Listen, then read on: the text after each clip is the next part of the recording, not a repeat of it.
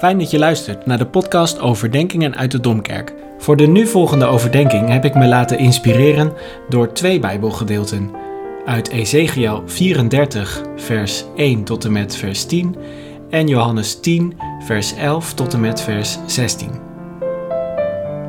Om de zoveel tijd verschijnen er nieuwsberichten of reportages in de media over het vak van herder. In veel van die berichten krijg je dan een inkijkje in een met uitsterven bedreigd bestaan. Van een kudde schapen valt in Nederland nauwelijks meer te leven. En hoewel herders met hun kudde een belangrijke rol spelen in het behoud van biodiversiteit, staan hun inkomsten toch voortdurend onder druk. De maatschappij is er ook niet meer zo mee vertrouwd. Aan het begin van het schapenseizoen nog, onlangs, verplaatsten herders Paul Hezemans en Tom Manders hun 170 schapen door de drukte van Nijmegen. Dankzij goed getrainde border collies bleven alle schapen bij de les. Maar als er dan een enthousiaste loslopende hond op de kudde afkomt, wordt het toch even spannend. Honden zijn een veel groter gevaar voor schapen dan de wolf, zegt een van de herders erover in een reportage van Dagblad Trouw. Iets eerder terug, in 2019, verscheen een opmerkelijke documentairefilm over het leven van de Brabantse schaapherder Stijn Hilgers. Het is een ongepolijst portret van een idealistische herder die het aflegt tegen economische krachten die hem een maatje te groot zijn. Als er bezuinigd moet worden, dan kan een schaapherder daar nauwelijks in meegaan. Hoe moet je immers ook een schaap concurrerender maken? De natuur stelt een eenvoudige grens. En het past ook helemaal niet bij het vak van herder, vindt Hilgers. Het vormt allemaal een schril contrast tussen deze en de Bijbelse leefwereld. Die wereld waarin de schaapskudde en de herder onmisbare elementen waren. Ze waren niet weg te denken uit het dagelijkse leven. Kuddes waren belangrijke factoren in het begrazen van gronden, in de ketens van voedsel- en kledingproductie. En veel Bijbelse verhalen draaien dan ook om herders. Denk maar aan Abraham of aan Jacob. Het volk Israël dat met schapen en vee door de woestijn trok, maar ook de latere koning David en de profeet Amos. Het is maar een greep uit een wereld die ondenkbaar was zonder herders of schaapskuddes. En het mag dan ook geen wonder heten dat in het Bijbelse taalveld de herder zo'n prominente plaats inneemt. Het beeld van de herder wordt vaak op menselijk leiderschap toegepast, zoals bijvoorbeeld in de geschiedenis van David gebeurt. Je kunt ook denken aan de profetische kritiek op het uitoefenen van het koningschap of het priesterschap. Ezekiel bijvoorbeeld, hij is vlijmscherp in zijn oordeel, juist ook omdat hij zich beroept op dat beeld uit het alledaagse leven. De kritiek komt overeen met de alledaagse leefwereld van mensen en is daarom ook zo doeltreffend. Maar het herderschap is in Israël niet alleen een beeld om over mensen te spreken. Het volk kende ook de beeldspraak over God zelf als, als herder. Er zijn maar weinig mensen aan wie de zeggingskracht van Psalm 23 niet is besteed. Over God, die herder is, en hoe je daar dan als mens bij welvaart. Daar dichtte Karel Eijkman ooit al de mooie woorden bij: Ik voelde mij goed, kon op hem bouwen. Ik kreeg weer moed, had weer vertrouwen. Was ik een schaap, dan wist ik het wel. De beeldtaal van herderschap, koningschap en priesterschap, dat is in Israël allemaal met elkaar verweven. En het mag dan ook nauwelijks verwonderen dat Jezus zich juist dit beeld van het herderschap toe-eigent. Ik ben de goede herder, zegt hij, nadat hij eerst al over zichzelf heeft gesproken als de betrouwbare deur naar de schaapskooi. Het is dat laatste beeld, dat van de goede herder, dat het meest beklijft. Niet in de minste plaats omdat Jezus het zo kleurrijk contrasteert met een huurling. Als de goede herder zorgt voor de kudde, dan is hij bereid om daarbij alles te geven, zelfs zijn ziel en zaligheid, zelfs zijn leven. Want hij kent de kudde. Hij heeft in de kudde alles geïnvesteerd dat hij heeft. En meer nog, behalve zo'n economische afweging, staat voor de herder ook zijn identiteit op het spel. Hij kan zelf niet zijn wie hij is zonder kudde. Iets van die instelling klinkt ook 2000 jaar later nog goed door in de woorden van herder Stijn Hilgers. Schapen zijn mijn leven, zegt hij. De kudde zorgt voor jou als jij voor de kudde zorgt. Het is geen beroep waar je lekker tegen een boom aan kunt liggen. Dat is echt een grote misvatting. Voor de huurling is dat wel anders. Die is niet hecht verweven met de kudde. Die heeft geen belang bij het welzijn van de schapen. Hij heeft niet alles geïnvesteerd in de kudde.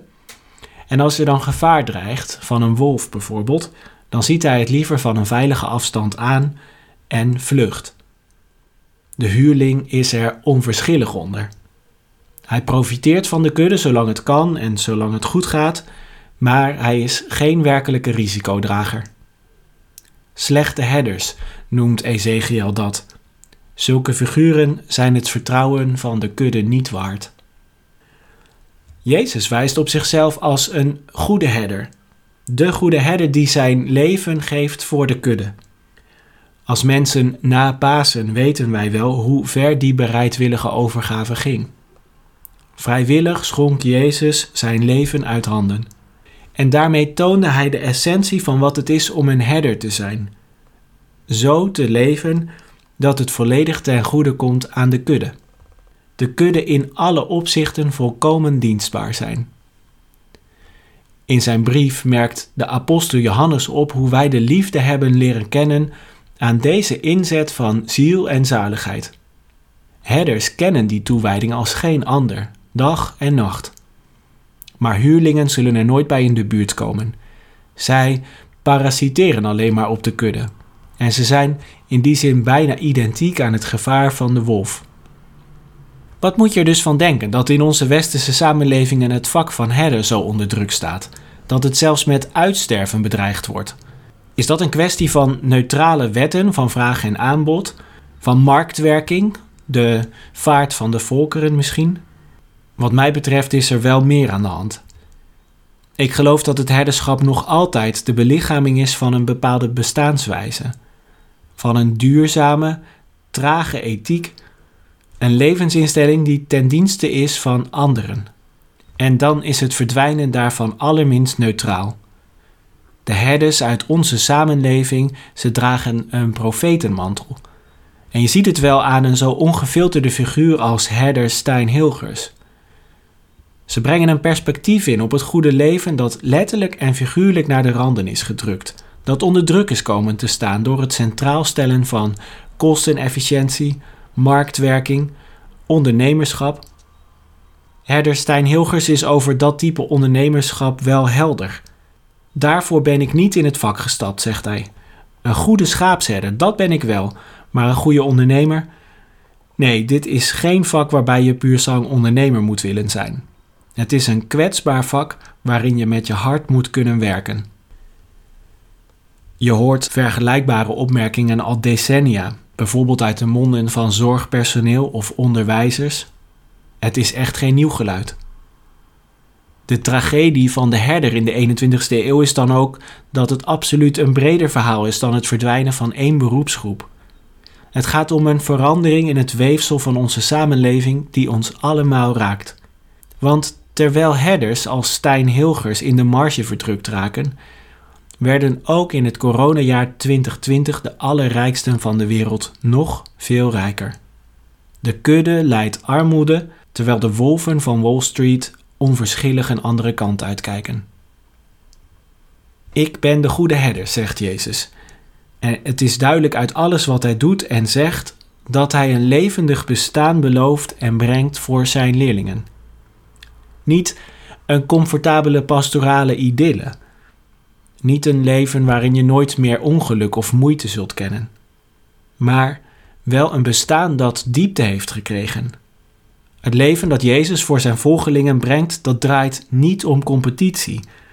De schapen hoeven voor hun plekje niet te vechten. Het draait ook niet om schaarste of gebrek. Het laat juist zien dat bij God overvloed aan genade en goedheid al lang aanwezig zijn.